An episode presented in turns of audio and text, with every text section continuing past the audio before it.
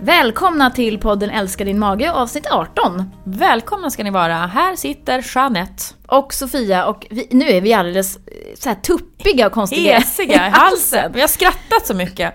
Måste vi ju dela med oss av. Åh, gud vad vi har skrattat. Det Ha är så roligt härligt. på jobbet. Det är så himla skönt. Ja, jag brukar tipsa om det ibland när jag eh, har gjort mycket intervjuer här nu. Men hur ska man stressa ner då? Hur ska man liksom... eh, Och då brukar jag säga att om man kommer ihåg när man skrattar så här vansinnigt mycket som när man var liten och skrattade så att man bara höll på och du vet, du får inte skratta nu och så bara känner man Man att kan jag inte sluta. Nej, man kan inte sluta. Eh, tänk när ni gör dem, när ni skrattar så mycket, vid vilket tillfälle, och så gör mer av det. Det är underbart. Ja, det, det är Vi skrattar ganska mycket här tycker jag och det är jag så himla glad för. En annan sak som jag tänkte på nu, det var våran kära fysioterapeutkollega Beatrice som brukar prata om att man har en fredagskänsla. Att på fredagar då är många så lite gladare, lite skojigare. Ja, en allmänt lite högre känsla. Varför kan man inte ha en sån känsla på en måndag också? Att man liksom försöker överföra den känslan som man har till de andra dagarna i veckan. kan vara värt att fundera lite på. Det kan man, det är Ja. en inställningsfråga. Ja. Egentligen. Ja. Ja, det är bara, och bara. Men Jaha. ja, nu låter du så här jag lyssna hurtfrisk. på eh, Petter Stordalen. Ja, ja, Ja. Men, men precis. Göra något som man blir glad av där på Jaha. morgonen, måndag morgon. Positivitetstänk. Ja, Det är ja men det, bara det är faktiskt lite omkring det måste jag säga. Det. Att styra sina tankar. Ja. Idag då? ja, vi ska prata lite allt möjligt som vanligt. Saker som vi har samlat på oss. Eh, eh, Sofia är ju superbra på spaningar på stan, nyheter som kommer.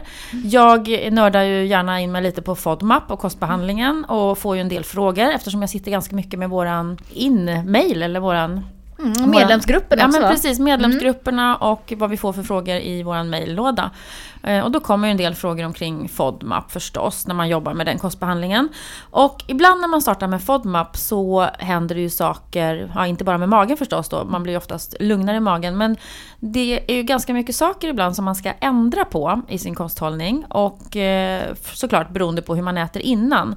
Men vissa upplever ju också att det händer saker med vikten. Eh, och det vanligaste är ju att man konstaterar att man kanske går ner några kilo i vikt.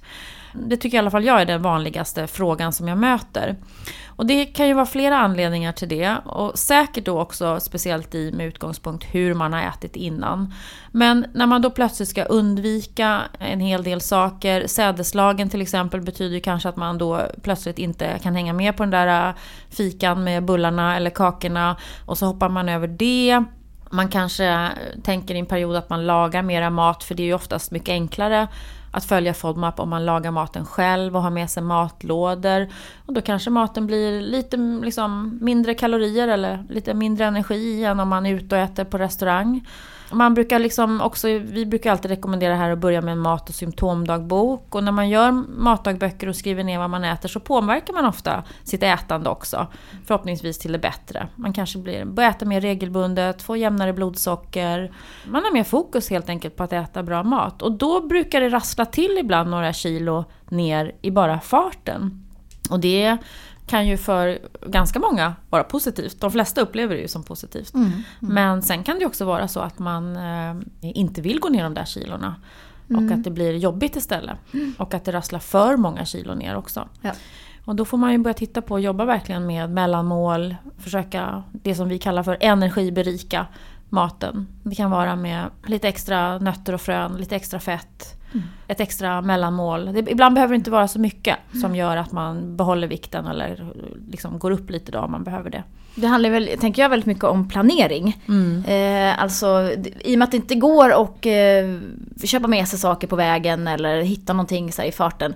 Så är det ju ännu viktigare att eh, plocka med sig det här mellanmålet i väskan eller vad det nu kan vara för någonting. För när man väl står på plats någonstans och det bara finns mackor, bullar eller vad det nu kan vara. Så kanske det blir som du säger, att ja, men då får man hoppa över det mellanmålet.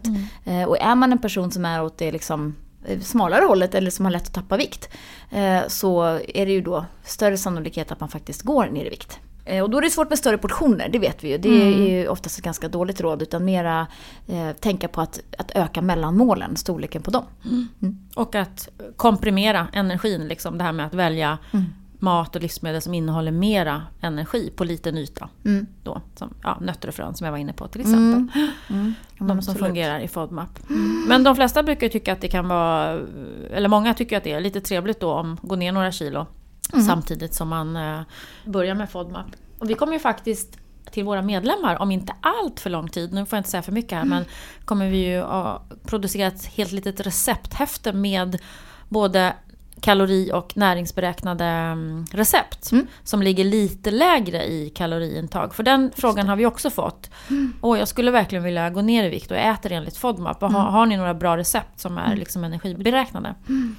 Eh, Så det kommer inom kort till våra medlemmar faktiskt. Håll Mm. utkik på hemsidan. Absolut. Men det kommer vi informera om. ja, precis. Och vi har lite flera frågor om eh, FODMAP. Ja, vi Mm. får ju en del väldigt specifika frågor på, eh, omkring FODMAP. För vi har ju många som har läst på verkligen och är verkligen insatta och vill göra den här kostbehandlingen på rätt sätt. Och då dyker det upp såna här frågor för att eh, tittar man på listor och så vidare så är ju inte allting, ser ju inte allting helt logiskt ut. Utan man måste ju förstå liksom, kemin bakom FODMAP. Varför det blir så med ett livsmedel och i en annan form så blir det på ett annat sätt.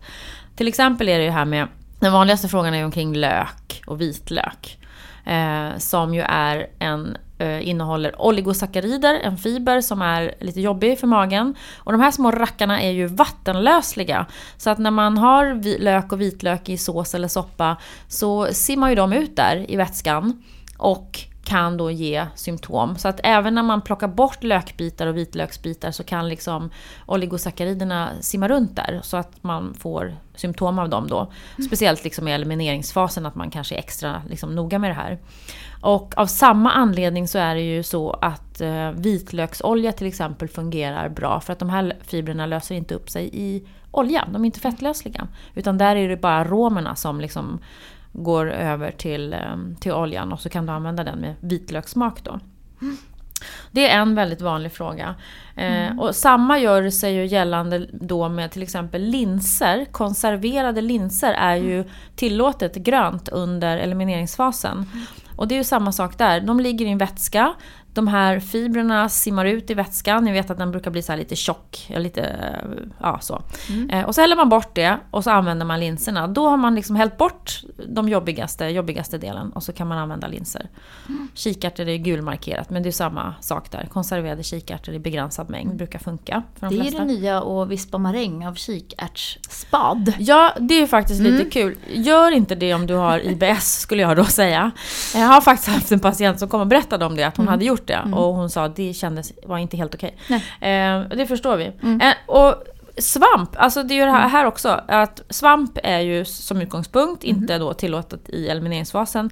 Men konserverade champinjoner blir tillåtet. Det är ju fantastiskt. Ja, det om man vill äta det. Ja. Ja, eh, för då har det blivit en process med livsmedlet och den förändrar karaktär. Så att det funkar. Och där vet vi egentligen inte riktigt varför de funkar för sockeralkoholerna är, ju inte helt eh, vattenlösliga På eh, samma sätt. På samma sätt. Men, men det är analyser som har bekräftat det här så Ja, det. Mm. vi vet ju egentligen inte mer än, än så. Det är samma sak med inlagd rödbeta Ja. som jag älskar. Mm. Och syltlök. Mm. Den eh, säger vi inte är okej men vi säger att den är i alla fall snällare än vanlig lök. Helt Precis. enkelt. Sen, Eh, en annan intressant grej också, det är ju med Ja, om man tycker att det här är intressant överhuvudtaget då, men det gör man ju när man nördar in på det här så mycket. Det är ju att Kanske om man lyssnar på den här podden så tycker man det är Hoppas att ni tycker det här är Ja. intressant. Vi tycker det. Vitkål är ju låg FODMAP och det är ju fantastiskt bra. Eh, Men man, jag tycker ändå man får prova sig lite fram med vitkål ändå, även om det är grönt. Samma sak där, hur många kilo som helst kanske man inte klarar av. Men, och då är det många som frågar, ja men syrade grönsaker då, eller syrad vitkål, sauerkraut. Um, är det, då måste ju det vara jättebra. Men faktiskt så är det så att det händer något när den blir syrad så att mängden sockeralkohol stiger när man syrar eller fermenterar vitkål. Så att den blir hög FODMAP i manitol tror jag det är, om jag inte missminner mig. Nej. Och då är det ju så att det här kan ju vara väldigt bra att äta för det innehåller ju pro, probio, pre, probiotiska bakterier. Men att man då kanske får prova sig fram där också. Att det inte bara är givet att du kan äta syrad eller fermenterad vitkål. Nej. Rödkål är ju, blir ju lite lägre innehåll FODMAPs om man skulle komma på att um, syra det. Ja, och återigen då med måtta. Det är bättre att lägga till en matsked syrad eh, vitkål varje måltid Ja. än att äta en hel burk. Ja men du har så rätt. Ja, Du är så jag klok. vet. Jag vet. Min kära kollega. Mm, det är visheten själv Som är med pratar. oss här idag. Ja, men det, det är faktiskt så. Men återigen så här, jag kom på någonting som är jättebra, jättenyttigt. Nu måste jag äta det hela tiden, varje dag, i stora mängder. Nej, Nej, man lägger till små, små portioner. prova. Mat, skedar. Mm, mm. Så blir det bra för alla. Eh, bra, men det, det är jätteintressant. Och ibland får vi frågorna om Ja men det här var ju gult på listan alldeles nyss, hur kan det vara grönt nu då? Ja fast det sker också nya analyser. Man Ja. analyserar andra eh, sorter eller arter eller odlingsförhållanden eller så här. Så att det mesta är analyserat, det mesta är statiskt och kommer vara så nu. Men inte allt. Är Och då anpassar vi oss efter det. Precis. Ja. Vi uppdaterar och vi följer med. Världs, om, omvärldsanalyserar. Ja, Bra. precis. Det kan ju också hända andra saker, tänker jag initialt, att man med FODMAP känner att man ehm, Ja men saker och ting förändras. Vi har varit inne på förut det här med att en del får en mer eh, oregelbunden menscykel, att mensen bör komma tidigare eller senare helt plötsligt. Det är ju faktiskt ganska, det är vanligt, det har vi inte pratat om så mycket. Men Men, det är ju intressant det där, hur påverkar det här hormonerna? Ja, är ju stora exakt. frågetecknet. Exakt så. Eh, och det kan ju ha att göra med att man äter mindre gluten, mindre socker. Vi, vi vet ju ännu inte, det, det kan vi inte säga. Men det är också en del som upplever att de får en ökad hunger med FODMAP, att man får lite, lite mer sug i magen. Eh, och det har ju förmodligen också att göra med eh, hormonreglering, för det styrs aptit och hunger och mättnad styrs också av hormoner. Det är ju så att det är en ganska stor omställning i kosten. Eh, Precis. Faktiskt, FODMAP. Ja. Eh, och som kan påverka naturligtvis på olika sätt. Och jag tänker också att just det här om man har varit en sån person som har ätit väldigt mycket grovt bröd och fullkornsprodukter som ju ger en, en bra mättnad. Och byter man då och tar bort allt dem för att man ska ta bort sädeslagen i en period och så kanske kör glutenfria produkter då. Då blir det ju en mindre fibermängd. Och fibrer gör, gör ju som bekant att vi känner oss mätta i längre tid. Och där får man ju vara uppmärksam på det. Det brukar vi skriva och prata väldigt mycket om just det där när man börjar med FODMAP. Att försöka säkra upp att man får i sig bra andra fiberkällor, lösliga fibrer som är snällare mot magen. För vi behöver fibrer. Och då brukar vi prata om havre, rotfrukterna, quinoa. Vad pratar vi mer om? Ris, fullkornsris, frön och nötter igen, husk, det här fusilliumfröskal. Att hitta de här fiberkällorna så att man inte bara plockar bort. För att där är ju tyvärr glutenfria produkter oftast inte de allra roligaste när det gäller fibermängd och innehåll. De kan innehålla ganska mycket stärkelse och andra Mm, ämnen. Mm. Det är också många som upplever, eller många, men en del upplever att symptomen blir förändrade eller eh, att de blir värre under en period, framförallt då initialt. Och det tycker ju vi i alla fall att vi kan koppla till eh, den som är förstoppad från början. Att man blir ännu mer förstoppad eh, under en period, första veckorna med FODMAP till exempel. Det brukar faktiskt släppa ganska fort men man kan ju få lite lätt panik då om man blir ännu mer förstoppad. Och där har vi kanske säkert en sån anledning att eh, avsaknaden av fibrer på den här kosten faktiskt blir ganska påtaglig till en början. Innan man förstår vad man kan byta ut och byta till och fattar att ah, men okej, det här kan jag äta istället för, för mitt rågbröd eller vad det nu kan vara för någonting.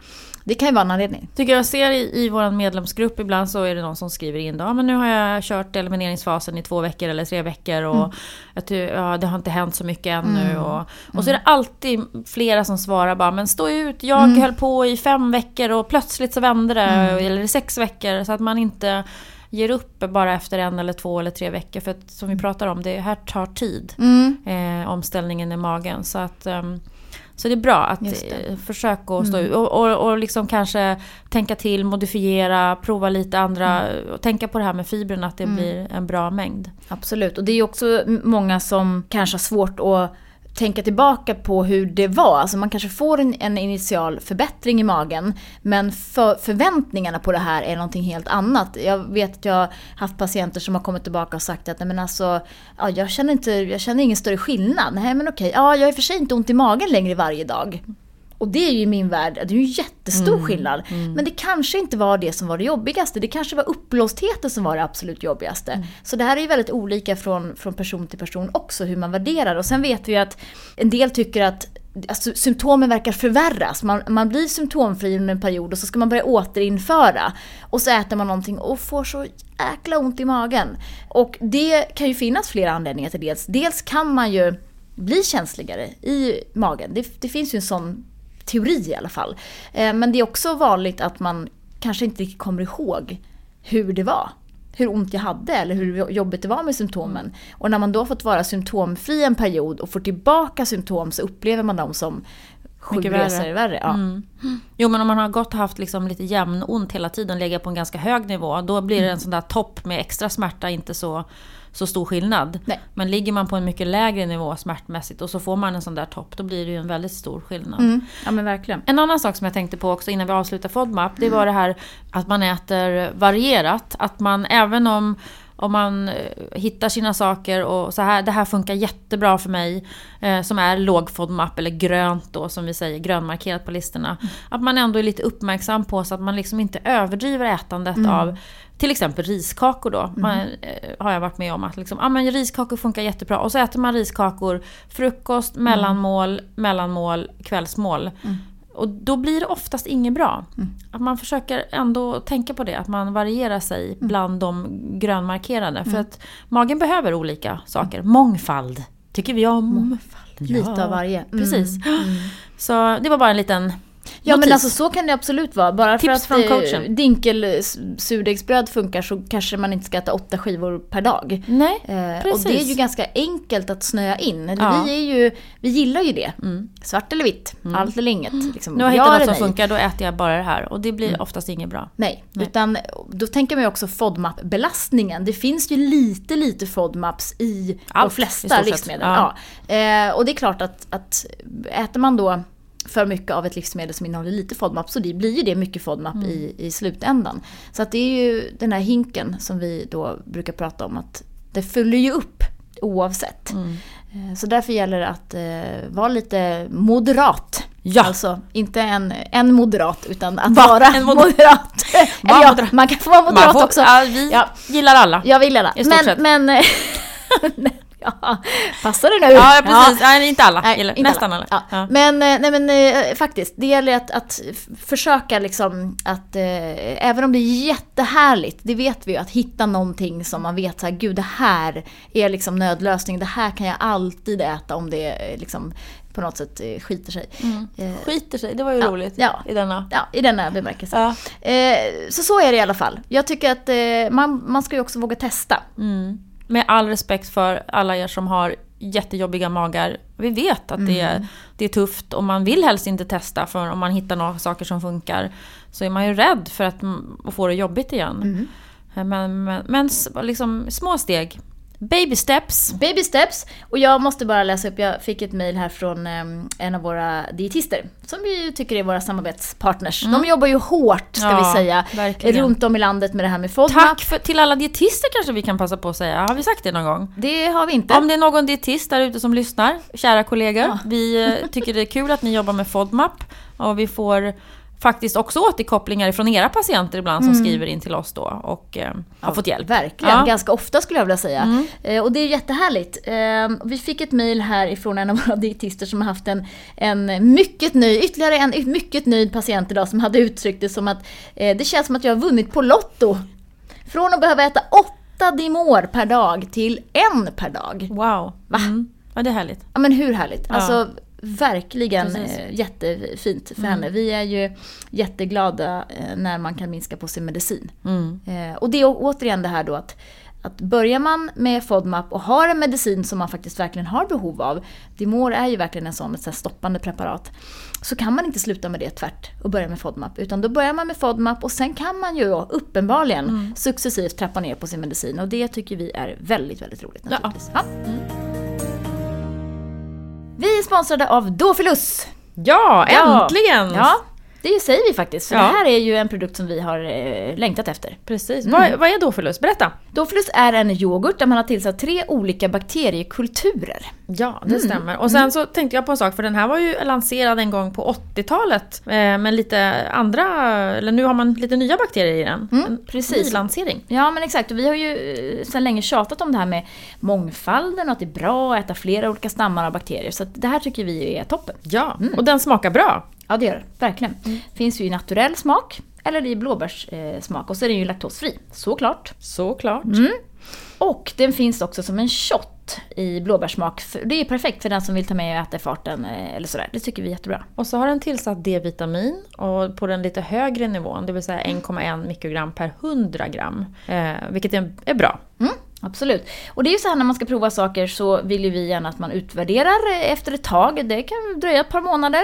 Eh, så att det här är ju en, någonting som man kan faktiskt göra till en god vana och äta lite varje dag eh, på ett naturligt sätt. Och så får man utvärdera vad man tycker om det. Vi tycker att det här är helt fantastiskt. Det finns ju läkemedel då som eh, vi använder idag när man har typ halsbränna, överdelsbesvär, magkatarr eh, etc. Och de kallas ju då, det var ju det här Losec som kom på, eh, inte vet jag, 90-80-talet kanske. Protonpumpshämmare. Mm. Det vill säga de som minskar produktionen av saltsyra rent krasst i magsäcken. Och det var ju verkligen mirakelmedicinen när den kom. Och jag har ju varit kritisk till den här länge. Eh, det har även studier visat. Det är 14 dagars förskrivningstid på preparat eh, likt då, ja, vi ska inte säga namnet, men, men ni fattar. Eh, jag träffar ofta människor när jag är ute och föreläser, framförallt så brukar jag säga det här och folk blir ju helt chockerade för de har ju oftast ätit sådana här mm, preparat i 14 år mm. snarare. Mm. Och läkarna säger, vet du, kör, öka dosen bara, det är inga problem och så har man liksom ingen symptomlindring men man tar dem ändå för att ja, det, det finns liksom ingenting annat. Ha, Eh, då har man sett att eh, den här typen av ehm, eh, saltsyrehämmande preparat är ju alltså då eh, ger risk för benskörhet, sämre näringsupptag, hjärt-kärlsjukdom och eh, lunginflammation. Och nu kommer då ännu en studie bara i förra veckan här från, från Karolinska institutet. Eh, där man då ser att eh, sådana här protonpumpshämmare eh, ökar risken för magsäckscancer. En... Så otrevligt. Ja, det är inte så trevligt. Nej. Det är en liten cancerdiagnos. Ja, det är en men, ovanlig ja, cancerdiagnos. Men där vill man ju dock. inte mm. ha cancer. Nej. Det kan man säga. Det, det, det, är ingen bra prognos på den Man vill cancer. inte ha cancer någonstans, men Nej. just precis Nej. där vill man verkligen inte ha cancer. Precis. Eh, och det är ju intressant det här, för att förskrivningen av eh, sådana här syrehämmande preparat har alltså ökat med 70% i gruppen kvinnor 15 till 29 år. De senaste 10 åren. Senaste 10 åren, ja.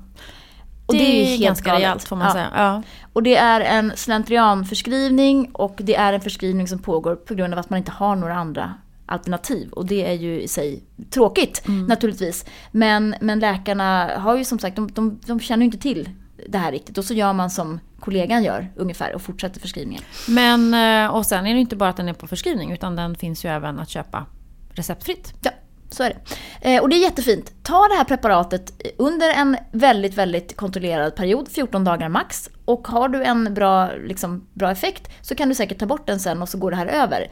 Eh, de här problemen är ju kopplade till stress i mångt och mycket. Och sen har vi ju naturligtvis råd som att äta mindre måltider, inte äta feta måltider, framförallt inte äta nära in på sänggående, höja eh, sängänden på, då för att få en, en bättre lutning så att inte maten ligger och um, kommer upp i... Mm. Precis. Mm. Livsstilsråd brukar man ju prata om när det gäller den här typen ja. av problem. Övervikt är också en sån mm. sak som kan göra det värre. Trycker upp liksom mot magsäcken och buken ja. och backar. Precis. Man kan ha ett litet brock vid magmunnen, mm. övre magmunnen som gör att det inte sluter tätt och det Just backar. De Rökning och alkohol får, ja. måste vi också nämna. Precis. De alltså, liksom inte som här... en rekommendation utan som att dra ner på. Ja. Mm. Men är man där så att man inte röker, och man inte är överviktig, och man tycker ändå att man äter regelbundet och liksom följer, eh, följer råden vi har. Mm. Eh, och ändå har de här problemen så kan man nog säga att en stor del av dem eh, är ju orsakade av stress och dålig matsmältning. Och problemet är när man då hämmar saltsyraproduktionen som de tror är anledningen till just den här cancerrisken. Det är ju att, att det, det, blir inte ett korrekt avdödande av bakterier i magsäcken utan bakterier som egentligen ska dö, de de dör inte ut. Mm. Och det kommer också upp bakterier från eh, tarmsystemet upp i magen. Och de ska också dö av saltsyran. Så saltsyran är ju en skyddsbarriär precis, för oss. som forskaren sa. Att vi, mm. Det finns ju en anledning till att vi har, är utrustade med den här saltsyran ja. i magsäcken från början. Exakt. Ja, det är och, ju spännande områden det här. Det här är spännande mm. och vi, vi, eller jag i alla fall, är ju väldigt för att rekommendera saltsyra när man har provat de här preparaten, man är färdigutredd hos läkaren, man får inte symptomlindring. Då kan det vara läge att titta över om man ska ta ett tillskott istället på saltsyra. För många gånger så hjälper det faktiskt kroppen att balansera upp eh, och eh, minska symptomen lite på naturlig väg skulle jag vilja säga. Mm. För saltsyra är ju inget det ska ju finnas naturligt. Och finns inte det i magsäcken så måste vi sätta till det. Så kan man tänka. Så kan man tänka, ja. ja. Vet du en sak? Nej. Du satt och gäspade förut när jag berättade om någonting här. Ja, en stor gäsp. Då... Berätta något du då så ska jag vara nu får du sova en stund. Ja, jag sover en låtsas, stund. Låtsas vara intresserad nu då. jag låtsas. Ja, nu pratar jag för ingen här då. då. Ja. Nej, kul. Eh, så här är det då att... Kära eh, lyssnare. Ja, kära lyssnare. Ja, ni är ju ni med i alla fall, det är ju bra. Ja. Eh, det här med jodbrist är ju jätte... Nej, jag skojar. Jag snarkar ju har jag fått höra. Ja, verkligen. Förlåt, vad Tejpa sa du? munnen på dig varenda gång vi sover ihop. Det här med jodbrist är ett stort problem i Sverige, framförallt bland gravida kvinnor. Och det har man ju faktiskt sett i tidigare undersökningar, det kom en 2015 eller någonting sånt. Det här är ju intressant. Det här är intressant, för det här gäller nämligen våra kommande barn och deras mentala utveckling. Eh, tillväxt och utveckling. Eh, sköldkörtelns funktion, naturligtvis, den är jodberoende för att kunna konvertera eh, sköldkörtelhormonerna. Eh, men i studier har man då sett att, eh, alltså jag tror att det här har att göra väldigt mycket med att gra- gravida kvinnor är ganska rädda för fisk.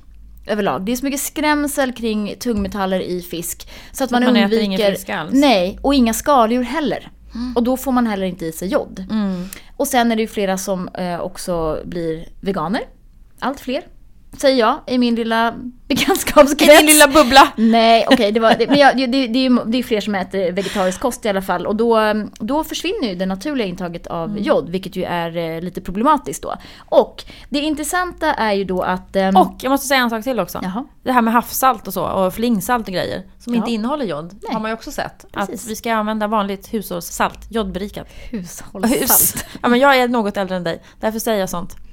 Det låter som från Ja Husmorsakademin. men det är nästan, det är Ja, snudd. Då kan jag meddela tant att det har kommit ett nytt flingsalt Med jod. med jod. Ja men vad jag är Ja. relieved. Ja, men det räcker liksom inte bara att börja äta jod när man då blir gravid, utan det här behöver man ha påfyllt redan innan graviditet, för det tar mer än nio månader att fylla på jodlagren. Mm. Så att kvinnan behöver tänka på speciellt att äta jod hela Ja. livet skulle man säga. Ja, alger, skaldjur, fisk, eh, lite ägg och mejeri kan också innehålla jod i mindre mängd, men framförallt får man ju ta tillskott på jod då om man känner att eh, man inte får i sig tillräckligt. Om jag tänker efter så finns det ju inget blodprov i alla fall för att ta jod. Det finns ett alternativt sätt att att hälla någon jodlösning på armen och se om det försvinner. Men nu är vi ute i någon liksom- himla... Nu sätter jag stopp här för den här diskussionen som Ja, lämnar det. vetenskapliga. Men man också är lite varningens finger med jodtillskott. Om man är gravid brukar man faktiskt eh, varna lite för de här vissa alger och sådana saker som man inte har kontroll på hur mycket jod man får i sig. Precis. Men som sagt, eh, det är ju lite som folsyra det här. Att ät gärna innan du blir gravid. Mm. Räkor, Eh, ja. ostron, hummer. Oh la la. Absolut. Jag ska hem och äta det direkt ikväll. inte för att jag inte blir gravid. Det är fredag. Men ändå. Ja, precis. Eh, nej men det här är ju det här är ju väldigt intressant och det är också svårt. Och det jag tänker att det här ökar hälsoångesten. Hur vet jag om jag får i mig tillräckligt med jod? Ja men ta då ett, ett tillskott, multivitamintillskott. Så har du ju jod eh, i dagsdos eh, ofta i dem. Man kan kolla på innehållet.